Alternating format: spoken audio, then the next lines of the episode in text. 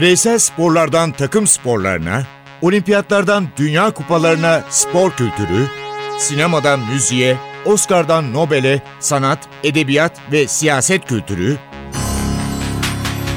ve dünya tarihinin unutulmazlarıyla ilgili konuşulanlar, olayların perde arkası, yorumlar, sorular ve yanıtlar.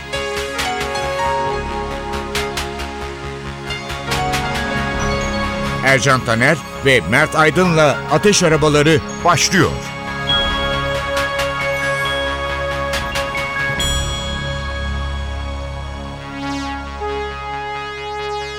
Merhaba Ateş Arabalarına hoş geldiniz. Ben Ercan Taner. Ben Mert Aydın. Bugün stüdyomuzda sevgili arkadaşımız, mesai arkadaşımız Özgür Buzbaş var. Kendisi bizim gibi sinemaya, okumaya çok meraklı. Messi yine çok konuşuluyor. 24 Haziran 1987'de Arjantin'de Rosario'da dünyaya geldi. Futbola 8 yaşında başladı ve bütün program böyle gitmeyeceğiz tabii. Özgür'ü niye çağırdık biliyor musunuz? Çünkü Özgür e, Messi için yapılmış bir filmi bayağı inceledi, baktı. Belki Türkiye'de de vizyona girecek. Onun için Özgür yanımızda. Merhaba Özgür. Teşekkürler Ercan abi. Çok teşekkür ediyorum bu e, nazik davetiniz için. E, çok fazla şu anda radyolarda olmayan program yapıyorsunuz. Oradan da size olan hayranlığımı ikinize birden e, bu fırsatta söylemiş olayım programda.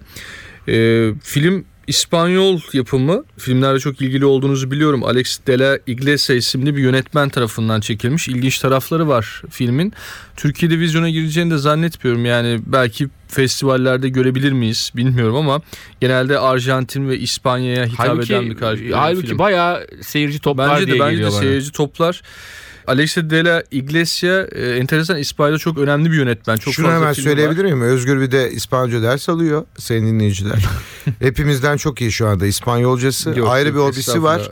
Ve e, İspanyol kültürü seviyorum o hobi olarak yoksa çok... ve şunu söyleyeyim herhalde birkaç sene kadar çok iyi İspanyolca konuşacak böyle giderse. Ee, Alex de la Iglesia e, İspanya'da çok ünlü bir yönetmen. Bir sürü filmi var. Ben filmlerine baktığım zaman e, bir filmini izle, izlememişim ama e, İspanya'da gişe yapan birçok filmin yönetmeni çok fazla uluslararası bir yönetmen olmamış. Genelde e, Guillermo del Toro'ya benzetiyorlar. Hmm. Pan'ın labirentini e, çeken Hellboy'u da çekmişti. Daha sonra bir çizgi roman karakteridir ama Ben arkasından... şeyi seviyorum Alejandro Inarritu. Evet, İsmi Oscar'da. enteresan. Santrafor ismi gibi değil mi? Evet Meksikalı yönetmen. Daha ilginci filmin yazarı kim? Kim? Ernest Jorge değil Valdano. herhalde. Jorge Valdano. Jorge Valdano güzel. Çok enteresan. Bu acaba bir isim benzerliği midir diye Yok baktım. ama Valdano e, kitapları olan Va- e, aynen öyle. evet, bir yazar aynı zamanda. Ee, aynı zamanda birkaç tane de film senaryosunu daha önce yazmış. Bu filmin de senaryosunu yazıyor. Aynı zamanda filmde hem oyuncular var hem canlandırma var hem Messi'nin hikayesi anlatılıyor. Filmin açılış sahnesinden sonuna kadar da Valdano ile Cruyff da e, karşılıklı olarak Messi ile ve kariyerinin ilerleyişiyle ilgili sohbet ediyorlar. Bir restoranda e, geçiyor filmin büyük bir Yani bölümü. o, o restoran çok meşhur oldu herhalde zaten. Sen yani ben Gerçek mi ondan emin değilim. O bir plato olabilir gibi geldi yani bana. bilmiyorum. e, ben hani ilk fragmanlar düşmeye başladığında e, onları izlediğimde de herkes oraya gitmiş yani. evet. yani eğer gerçekten bir restoransa bayağı da Şimdi e, popüler olmuş. Benim açıkçası filmden etkilenme, yani filmi böyle baştan sona falan anlatmak gibi bir şey yapmıyorum. Herkes Messi'nin hayatını. Messi'nin de 3 aşağı 5 Türkiye'ye gelmeyecekse esasında filmin o ana hatlarını anlatmamız lazım. Ya, Ya ben- dedin ya düşük bir ihtimal. Evet. Bizde gelip vizyona Şunu- girmesi. Ben şu merak ettiğim yani Messi'nin e, hayatıyla ilgili filmde zaten e, çok orijinal bir şey yok. Araştıranların bulabileceği bir araştıranların bulabileceği durumlar var ama canlandırılmış ve bilmediğimiz bir iki kısım vardı. Benim- Orijinal görüntüler var. Evet orijinal görüntüler de var. Benim ilgimi çeken bir iki kısım vardı. Bilmiyorum siz ne dersiniz? Özellikle Messi'nin ilk futbola başladığı an bence çok enteresan. İkincisi Barcelona'ya geçtiği, kabul gördüğü günler. O bir Hı hı. gün değil, bir ay da değil. Çok uzun sürmüş. Daha sonra da e, yeni e, daha sonra da Barcelona'da A takım formasını aldığı yer. Ya bence bu üç dönem çok kritik. Tabii ki Üç dönem inceleyelim. İlk futbola Hı hı. başladığı an. Evet 87 doğumlu ve e, tabii ki uzun bir hayatı yok şu anda ama bizim için bu gördüklerimizin arka planı çok heyecan verici. Yani bir futbolcu nasıl futbolcu oluyor? Yani birçok futbolcu tanıyoruz ama üst düzey bir yıldız yetenekli biri nasıl futbola başlar? Çok iyi sahalarda mı çalışır? Çok iyi antrenörlerle mi çalışır? Messi'de hepsinin cevabı hayır. Yani hiçbiri çok özellikli bir şey yok. Cevap hayır. Hayır. Sadece çok fazla futbol oynamak istiyor. Daha 6 yaşındayken ki 3 kardeşler abisi de futbolcu Rodrigo Messi. Onu da çok iyi olduğu söylenir. Konuşmuştuk Mert Aydın'la. Aynı takımda Grandoli diye hemen oturdukları mahallenin takımı aynı takımda abisini izlemeye gidiyorlar e, Grandoli maçına ve o gün bir futbolcu kalk uyanmamış. 8 yaşındakiler yani 8-9 yaşındaki oyuncular oynuyor kendi Mahalle arasında. maçı gibi. Mahalle maçı gibi ama işte Onun daha organizesi. Evet, Evet. olur ya böyle e, takımlar olur. E, bir formayla bir antrenörleri olur. Küçük de oyuncular gider ki Arjantin düşünün bu sevginin ne kadar fazla olduğunu. Bizde de e, vardır. Tabii Arjantin'de belki daha da fazla. Bir takımda bir oyuncu eksik olduğu için e, Grandoli'de e, Messi de oynamak istiyor. Babaannesi çok destek veriyor. E, 1998 yılında kaybetmiş onu. E, o da çok büyük bir üzüntüsü hayatında. Ve Messi orada 6 yaşındayken çok küçük bulunmasına rağmen yaş grubu olmamasına rağmen mecburiyetten sahaya giriyor. Onun gerçek görüntüleri var. Ee, insanlar o görüntüleri de bulabilir. İnanılmaz oynuyor. Yani ben- İnanılmaz oynuyor. Ee, bana Yaş öz- 6. Bana, bana Özgür gösterdi o görüntüleri. Şöyle söyleyeyim. Hani Messi uzaylı mı falan diye konuşuyoruz ya. Ben izledim hakikaten uzaylı.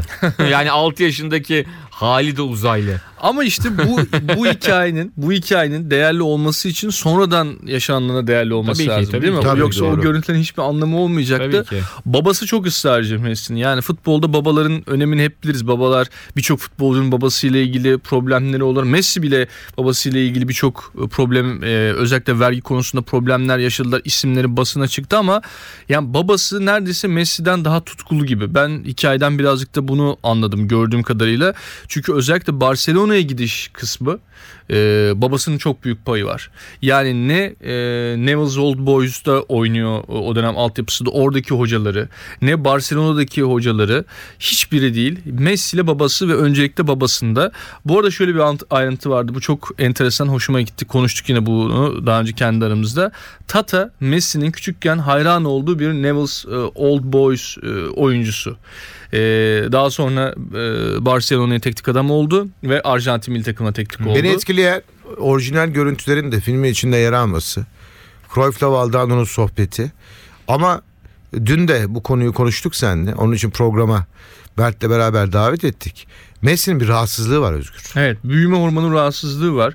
1900 Filmde nasıl işlenmiş bu? 1993 yılında o rahatsızlık tespit ediliyor ve e, devlet e, hormon tedavisini ödüyor. Babası çalışıyor, annesi e, part-time bir temizlikçi. E, babası da bir fabrikada çalışıyor. İnsülin gibi yani şeker hastalığını kullandığı insülin gibi her gün kendisi belirli bir dozda hormon kendi kendine enjekte ediyor. E, büyümesi için biraz Kendi da boyunun evet ediyor. kendi kendine enjekte ediyor biraz daha büyümesi için. Yalnız e, 1990'ların sonuna geldiğimiz zaman e, Arjantin'de yaşanan kriz, ekonomik kriz e, ve bu çok pahalı olması bu tedavinin e, daha fazla ailesi karşılayamayacak duruma geliyor hem de devlet de karşılayamayacak duruma geliyor. Buradan itibaren artık başka arayışlara giriyorlar. Bu tedaviyi kim karşılayabilir? Hmm. Newell's Old Boys'a gidiyorlar, River Plate'e gidiyorlar bunu karşılaması için ama Arjantin ekonomisi o dönem çok kötü ve iki takım da bunu karşılayamıyor. Ve Ve de hani 10-11 yaşında bir çocuk için Evet. sonuçta ne olacağını bilmiyor. Ne kadar yetenekli olursa İşte olsun. tam bu söylediğin e, Barcelona'ya transfer olduğunda e, gündeme geliyor. Transfere denmez bunu ama İspanya'daki bağlantılarıyla babası zorlayarak İspanya'dan e, birini getirerek Messi izleterek Barcelona'dan en azından bir deneme sözü alıyor. Yoksa bir transfer falan değil.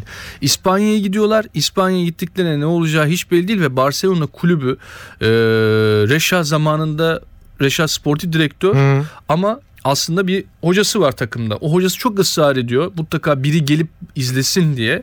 Barcelona kulübü yöneticileri de o dönem diyorlar ki bizim La Masia'da bir sürü e, oyuncumuz var. Böyle yetenekli oyuncumuz Evet var. yetenekli oyuncumuz var. Neden biz Messi gibi bir oyuncuya para yatıralım? Neden böylesine ve e, iyileşip iyileşmeyeceği veya iyi bir futbolcu olup olmayacağı belli olmayan bir oyuncuya para yatıralım ki diye kendi aralarında da sorguluyorlar ve çok uzun sürüyor Messi'nin Barcelona'da kabul görmesi. Devamlı değişen zamanlı kontratlarla, geçici kontratlarla Hı hı. idare ediyorlar e, Barcelona'da. Burada enteresan bir durum var. Gerçekliğe baktığımız zaman filmin dışında bir bilgi. Fabregas da Barcelona'nın bu ekonomik olarak problem yaşadığı aynı döneme denk geliyor. Hı hı. Messi'nin 16 yaşında olduğu döneme geliyoruz artık. 2003 yılında e, Barcelona'dan ayrılarak Arsenal'in altyapısına gidiyor. O dönemde Barcelona'da ekonomik olarak altyapısını çok çok iyi bir şekilde kalkındıramıyormuş. Aslında bizim hani şu an çok büyüttüğümüz o altyapı o dönemlerde e, zorluklar içerisindeymiş yine. Ve sonunda Messi'yi Barcelona'da e, kabul ediyorlar. Evet bu adam gerçekten inanılmaz yetenekli ama bu hiç kolay olmuyor. Belki bir yıl, bir buçuk yıl geçiyor. Bu arada tedavisi aksıyor. Ailesi Barcelona'ya geliyor ve geri dönmek zorunda kalıyor. Filmde bunlar çok iyi anlatılmış. Ve Messi sonunda Barcelona'nın B takımında, genç takımında oynamaya başlıyor ve Frank Rijkaard onu e, kadroya alıyor. Capello ne diyor kadroya aldıktan sonra? E, Frank Rijkaard ve Capello'nun bir e, maçın arkasından e, Capello diyor ki ben hayatımda ki Capello tam Real Madrid'e gelmeden önceki dönem Juventus'ta çalışırken hayatımda böyle bir oyuncu görmedim diyor. Özgür- bu yaşta böyle bir oyuncu görmedim diyor ama Rijkaard'ın da onu A takıma çıkartması çok önemli. O dönem Dekolu, Ronaldinho'lu takımda hatırlarsanız başlıyor. O görüntüler de var ve e, Messi'nin bu arada e, ilk milli maçı da çok enteresan filmde işlenmiş. Menotti ve diğer yine Arjantinli e, eski futbolcular ve o dönemin teknik adamları da e, filmde yer alıyor. İlk milli maçı Macaristan'a karşı bir hazırlık mücadelesi ve girer girmez 30 saniye sonra kırmızı kart görüyor. Kırmızı kartı gösteren Marcus Merk. Çok güzel. Ve ağlamış soyunma odasında ilk e, maçından sonra. Filmin adı ne? Messi. Çok sürpriz oldu. Yönetmeni kim?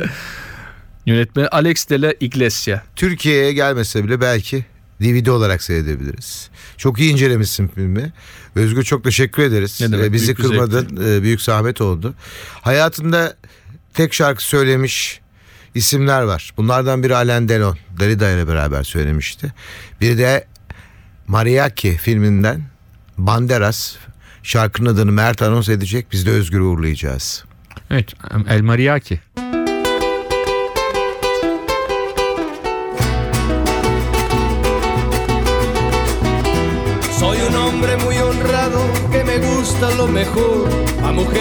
no me falta ni el dinero ni el amor.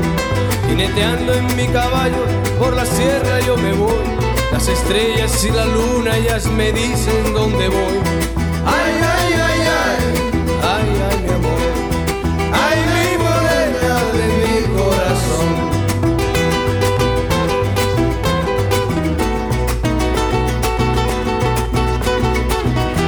Me gusta tocar guitarra, me gusta cantar el son. Mariachi me acompaña cuando canto mi canción. Me gusta tomar mis copas, aguardiente es lo mejor. También el tequila blanco con su sal le da sabor. Ay, ay, ay, ay, ay, ay, mi amor. Ay,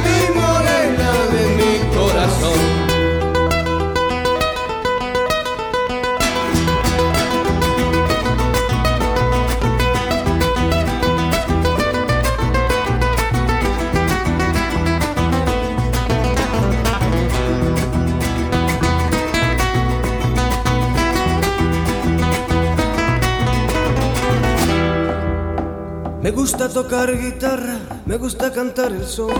El mariachi me acompaña cuando canto mi canción.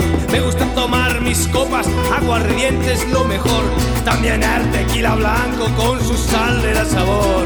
Ay, ay, ay, ay, ay, ay, mi amor. Ay, mi morena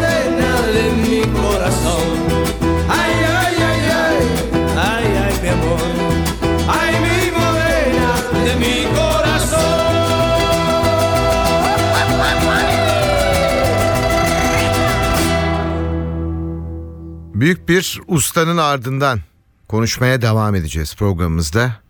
Yaşar Kemal.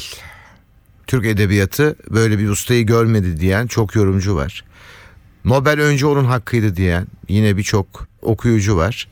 Yaşar Kemal pek çok eserinde Anadolu'dan, Çukurova'dan yararlandı. Efsane ve masalları da inceledi. Fakat o kadar büyük eğitimler almadı. Harvard'larda, Cambridge'lerde, Oxford'larda okumadı. O halkın içinden gelmiş müthiş bir yazardı. Bunu herkes yapamaz. Evet çok doğal bir e, hakikaten çok üst düzey bir yeteneğe sahip. Taklit edilmesi imkansız bir yeteneğe sahip diyelim ya da taklit edilmesi imkansız eserler yazan bir, bir yazar olduğunu söylememiz lazım. Sen hani açarken dedin ki Türk edebiyatı önemli bir ismini kaybetti. Aslında dünya edebiyatı önemli bir ismini kaybetti. Ee, bunu ifade etmek lazım. Sadece bir edebiyatçı değil aynı zamanda bir fikir adamı olduğunu, e, Türkiye'de birçok konuda e, bazı kişilerin konuşmak istemedikleri, konuşmaktan kaçındıkları birçok konuda fikirlerini açık açık beyan ettiğini, bu yüzden zaman zaman sıkıntılar yaşadığını da e, biliyoruz. Ama gelinen noktada vefatının ardından e, Türkiye'de politik görüşü ne olursa olsun insanları bir araya getiren bir simge haline geldi. Bu da e, yani ölümünden sonra da çok önemli bir iş başardı diye düşünüyorum. Çok doğru. 1978 yılında yapılan bir röportajda ilkokulun son sınıfındayken artık şiir çalışmalarına başladığını söylüyor. Şiir de yazdığını biliyoruz. Tabii ki e, Türkiye'de yazarlar, siyaset bunlar hep iç içe geçmiştir. Yaşar Kemal'inki biraz daha zorlu, bayağı zorlu. 17 yaşından itibaren ilk defa cezaevine giren, hakkında birçok soruşturmaya uğrayan büyük bir ustadan bahsediyoruz. Ama şimdiye kadar onun kitaplarını okumamış e, çok insan var. Doğru. O kitaplardan biraz bahsetmemiz lazım. Tabii yani Ee, hani en önemli konu e, Yaşar Kemal. Yaşar Kemal televizyonlarda yer aldı. Dört gün yer aldı, beş gün yer aldı. Radyolarda konuşuldu. Ama o kitapları raflarda hep yaşayacak. Evet. Yani özellikle tabii bütün dünyada onun e, ve de Türkiye'de de onun ününü sağlayan, e, onun çok önemli bir yazar olduğunu e, daha ilk yapıtında neredeyse belirleyen İnce Mehmet. Yani şu anda hani okumayanlar varsa bir an evvel koşturup e, bir kitapçıdan alıp biliyorsun dört aslında dört kitaptan oluşur ama hani birincisi asıl onu Hı hı. E, Yaşar Kemal yapan ya da işte tüm Türkiye'de ve tüm dünyada tanınması sağlayan o İnce Mehmet'in birinci kitabını e, mutlaka okuması gerekir diye düşünüyorum. Oradaki Çukurova betimlemeleri, oradaki e, insan betimlemeleri, karakterlerin, e, iyinin, kötünün, beyazın, siyahın, gri'nin tarifi hakikaten çok çok özel bir kitap, çok özel bir eser. Öyle bir şahsiyetten bahsediyoruz ki e, ırgatlık yapmış. Traktörlerin üstünde ürünlerle ilgilenmiş. Ekmek parasını kazanmaya çalışmış. İlkokula gitmiş. E, kötü bir kazayla tek gözünü kaybetmiş. Buna rağmen yılmayan ve kendine has ekolüyle sen de söyledin az önce dünya edebiyatına birçok eser vermiş bir kişilik. İnce Mehmet dedin. Ben de yer demir gök bakır diyorum. Fırat suyu kan akıyor baksana. Ve tek kanatlı bir kuş. Daha birçok eseri var. Bu yüzden Ağrı de Dağı efsanesi. Ağrı Dağı efsanesi. E, kitapçılara gidip rahatlıkla biraz inceleyebilirsiniz. Yani külliyatı aslında ülkemizde çok kolay bulunan e, bütün kitapçılarda eserlerinin çoğunu bulabileceğiniz bir yazar bir kere. O açıdan da önemli. Hani kıyıda köşede değil hakikaten bugün bütün büyük kitapçılara gittiğinizde Yaşar Kemal ile ilgili Yaşar Kemal'in kitaplarının çok büyük bir bölümünü bulma şansınız var. E, onu ifade etmek lazım. Bugüne kadar okumamış olanlar olabilir. E, ama bundan sonrası için e, okumaları gerekir diye düşünüyorum. Aynı kanaatteyim E, ve şunu da söylememiz lazım. E, edebiyat ve sanatçıları biz kaybettiğimiz zaman bayağı günlerce konuşuyoruz. Programlar yapılıyor. İşte şöyle bir insandı, şöyle bir ekoldü deniyor. E sonra bir sene sonra bir bakıyorsunuz bir sessizlik var. Ben Parlaşez mezarlığı vardır. Evet. Meşhur. Paris'teki. Dünyanın en ünlü kişileri e, buraya da defnedilmiştir zamanında. Ve şimdi oraya tur düzenliyorlar. Hı hı. Ben oraya gittiğimde herkes gidiyor. Ben bir de ben gideyim dedim. Nasıl bir yermiş merak ettim. Şöyle girdim baktım Victor Hugo yazıyor. Vic, Sefiller. Victor Hugo. Başında 6-7 tane sandalye insanlar. Bir kişi de ayakta. Çok merak ettim ne yapıyorlar diye. Edebi tartışma yapıyorlarmış. Victor Hugo. Muhtemelen okumalar da yapılıyordur Evet, eserlerinden. ellerinde kitaplar Evet. var. Ee, bu tarz girişimler neden Türkiye'de olmasın diye de düşünmeden edemedim. Ben de hemen küçük bir anımı anlatayım Yaşar Kemal ile ilgili. Ee, bundan 10 yıl kadar önce yani 8 8 9 yıl önce diyelim. 442 dergisini çıkarırken yani şunu duyduk, duyuyorduk. Yaşar Kemal'in çok e, sıkı bir futbol takipçisi olduğunu. Ya dedim olay olmaz mı 442'ya bir Yaşar Kemal röportajı yapsak, kapağa Yaşar Kemal'i koysak e, Türkiye'de çığır açarız. Hani yapılmamış bir şey. E, sevgili Bağış Erten aracılığıyla eşi hanımefendiye ulaşma şansım oldu. Aradım kendisini. E, dedi ki Yaşar dedi çok iyi bir Fenerbahçelidir dedi.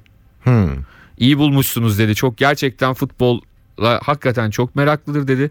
Ama dedi biz o kadar edebiyat ve sanat dergisi atlattık ki son dönemde röportaj yapmamak için. Şimdi size verirse bu sefer onların ağzından kurtulamayız kusura bakmayın dedi. Böylece direkten döndü bizim röportaj ama en azından Yaşar Kemal ile ilgili böyle küçük bir anıya da sahip oldum. Güzel bir anı. Yapılsaymış da Hakikaten. Röportajı Ve çok olmaya aday bir şey var olabilirmiş. Ercan abi. Hani mesela işte bir spor dergisiydik. İşte senin de birçoğunu tanıdığın e, arkadaşlarımız Banu Yelkova'nın, Yakir Evet. Mizrahi'si, Coşkun Çeli hepimiz yani bu e, şeyde o da Ozan Şişli arkadaşımız vardı. İyi bir ekipti ve mesela şimdi diyelim ki o sırada Messi röportajı yapılması gerekseydi herkes ben yapayım derdi değil mi? Tabii.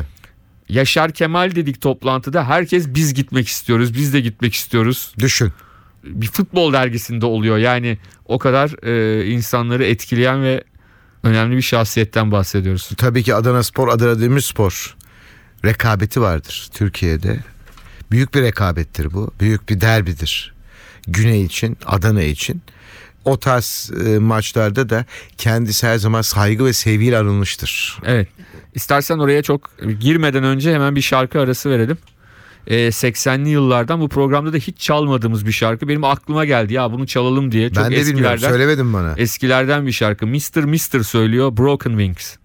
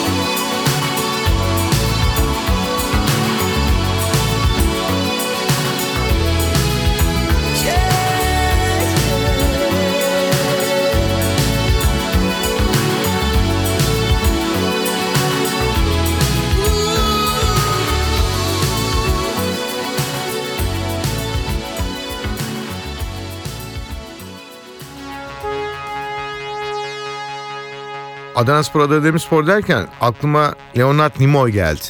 Evet. Bizim nesil çok iyi hatırlar. Kaptan Kirk, Mr. Spock. Uzay gemisinin adı Atılgan. Doktor Scott da vardı galiba. değil mi? Yok Scotty ışınlayıcıydı. Işınlayıcı. Doktor McCoy vardı. McCoy, Doktor McCoy. Uhura vardı. Leonard Nimoy o zaman Volkan adlı bir gezegende doğmuş. Evet. Hikaye böyle başlar. Ee, ve volkanlıdır. Kendine has güçleri ve selamı vardır. Ve aynı zamanda yönetmen, müzisyen ve fotoğrafçılık da yapıyor. Evet. Onu da Ee, senin de sevdiğin bir dizi vardı Fringe. Evet. Onda da enteresan bir rolü vardı. Bir profesörü oynuyordu. Bir bilim adamını oynuyordu. Ee, ama böyle e, değişik bir bilim adamıydı. O- Evet. e, onu da belirtelim. Yani orada da ilginç bir rolü vardı. Tabii e, o dizinin şöyle bir öz- özelliği var. O dizi 60'lı yıllara ait bir dizi aslında. Hani biz çok yıllar sonra seyrettik Türkiye'de. Ama sana çok ilginç bir bilgi vereyim. Biliyorsun daha sonra sinemaya aktarıldı. Yani daha sonra o kahraman sinema film. Dünya üzerindeki ilk uzay yolu sinema filmi hangisidir diye sorarsan başrolünde Sadri Alışık'ın oynadığı Turist Ömer Uzay Yolu filmi. Hmm. İlk olarak uzay yolu karakterleriyle film yapan bizimkiler Yeşilçam. Öyle mi? Evet. E, Atılgan'ı oluşturan Atılgan kıyafetleri işte Turist Ömer de e, Atılgan'a biniyor. Yani filmin konusu o. Ve ilk gerçekten o kıyafetleriyle şeyleri ilk film sinema filmi daha Amerikalılar sinemaya çevir e, şey yapmadan önce Yeşilçam'da Turist Ömer Uzay Yolunda adıyla karşımıza çıkıyor. Böyle de e, ilginç bir noktası var. E, Turist Ömer'i de. Evet. Sadri Alış'ı da yad ettik böyle. Aynen öyle aynen öyle çok çok e, keyifli. Tabii dizinin enteresan bir özelliği var. Yani aslında birçok uzaylı dizinin babası diyelim dizi için. Hani daha sonra Uzay 1999 gibi diziler de oldu. İşte sonra Galaktikalar falan geldi. Hani- Uzay 1999'daki gemilerin adı neydi hatırlıyor musun? Havalanan ay üstünden. Ay üstünün adı Alfa'ydı. Alfa'ydı. Ayus Alfa. zaten Kartal 1, dizinin adı Kartal öyle. 2. Evet Kartal 1, Kartal 2. Pilotlardan birinin adı Alan'dı.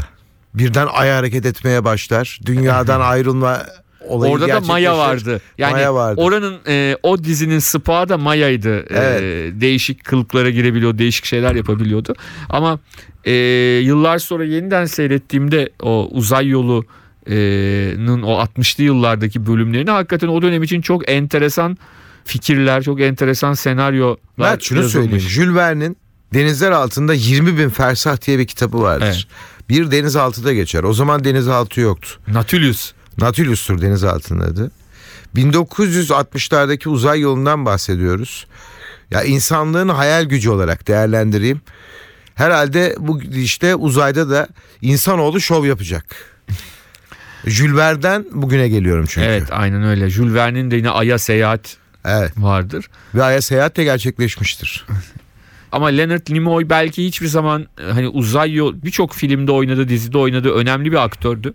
Dediğin gibi başka e, şeyleri de vardı ama herkesin aklında Mr. Spock'tı o. Yani O selamını unutmayacağız Evet. Mr. Spock'ın. Ellerini ayırarak. evet ve o zaten Ki kulaklar değişik birleştirerek. kulaklarla. e, yalnız ben şeye çok üzüldüm ya çok acayip geldi bana. E, biliyorsun gerçek hayatta da çok yakın dostu William Shatner, Kaptan Kirk. Bir başka bir hayır işinde bulunduğu için başka bir şehirde gitmemiş cenazeye. Ne oldu bilemeyiz tabii. Yani acaba gerçekten hani gidemedi mi? Belki de hani mali bir sorumluluğu var. Hani onu gitmezse yapması e, bir şey. Ben bir günlüğünü erteleyip uçakla git. Sonra ziyaret etmiş olma ihtimalinin çok Vardır yüksek olduğu mutlaka, Vardır kanaatindeyim. mutlaka ama bana bir şey geldi. Güzel gelmedi. Öyle söyleyeyim. Güzel. Hoş olmadı. Olmadı. Ee, Peki biraz müzik diyelim şimdi. Evet diyelim. James Brown'a gidelim. Yine Gidelim. efsanelerden bir tanesi. Onun yine çok çok e, artık klasikleşmiş şarkılarından Living in America. Knock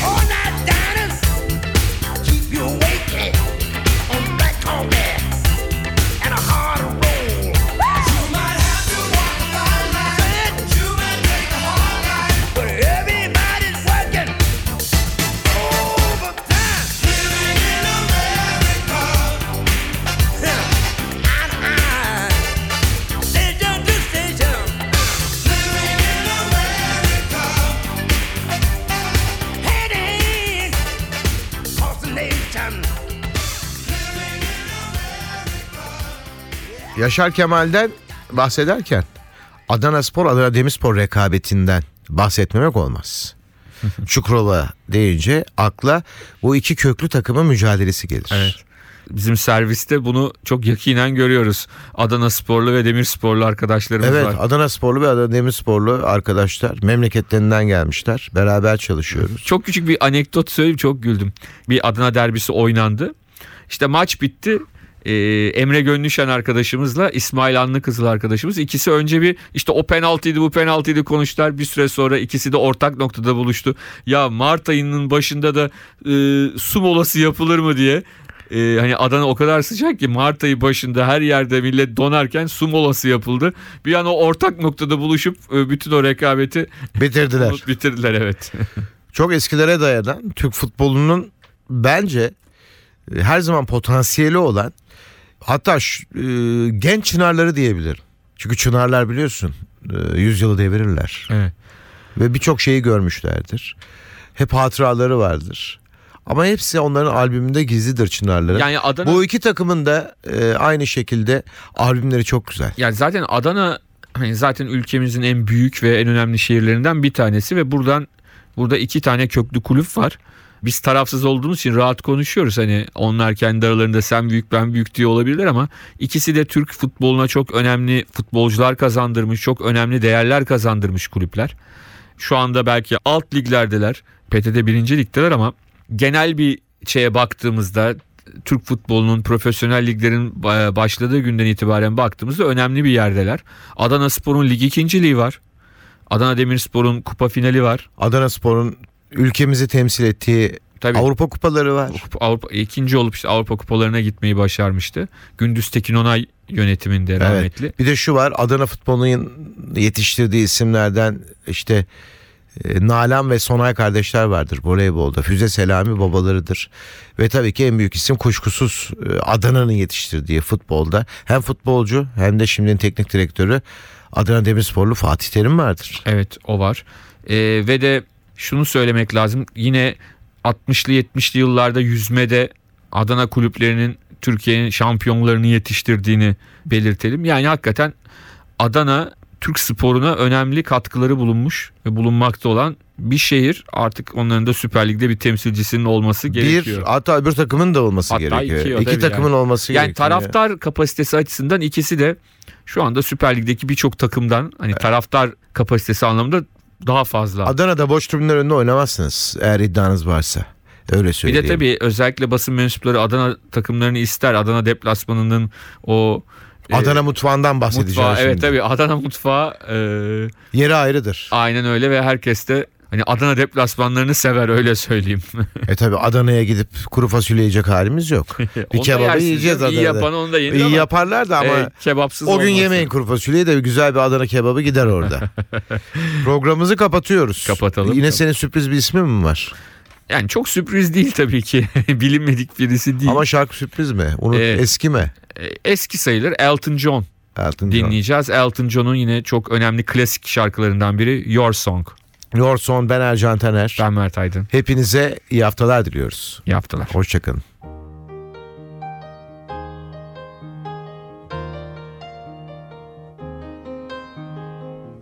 It's a little bit funny, this feeling inside. I'm not one of those who can easily hide. Have much money, but boy, if I did, I'd buy a big house where we both could live. If I was a sculptor, but then again, no, or a man who makes potions in a traveling show. Oh, I know it's not much, but it's the best I can do. My gift is my song, and this one's for you. And you can tell everybody this is your song.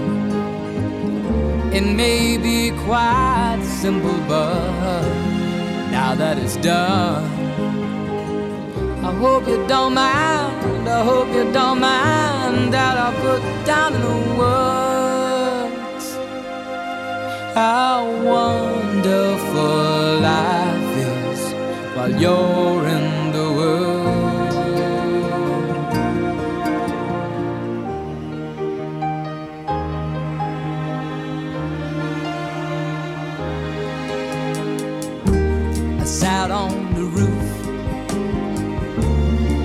out the moss. Well, a few of the verses, well, they've got me quite cross. But the sun's been quite kind while I wrote this song. It's for people like you that keep it turned on. So excuse me for getting, but these things I do. You see, I've forgotten if they're green or they're blue. Anyway, the thing is, what I really mean. Yours are the sweetest eyes I've ever seen. And you can tell everybody this is the song. It may be quite simple, but now that it's done, I hope you don't mind. I hope you don't mind that I put down in the words how wonderful life is while you're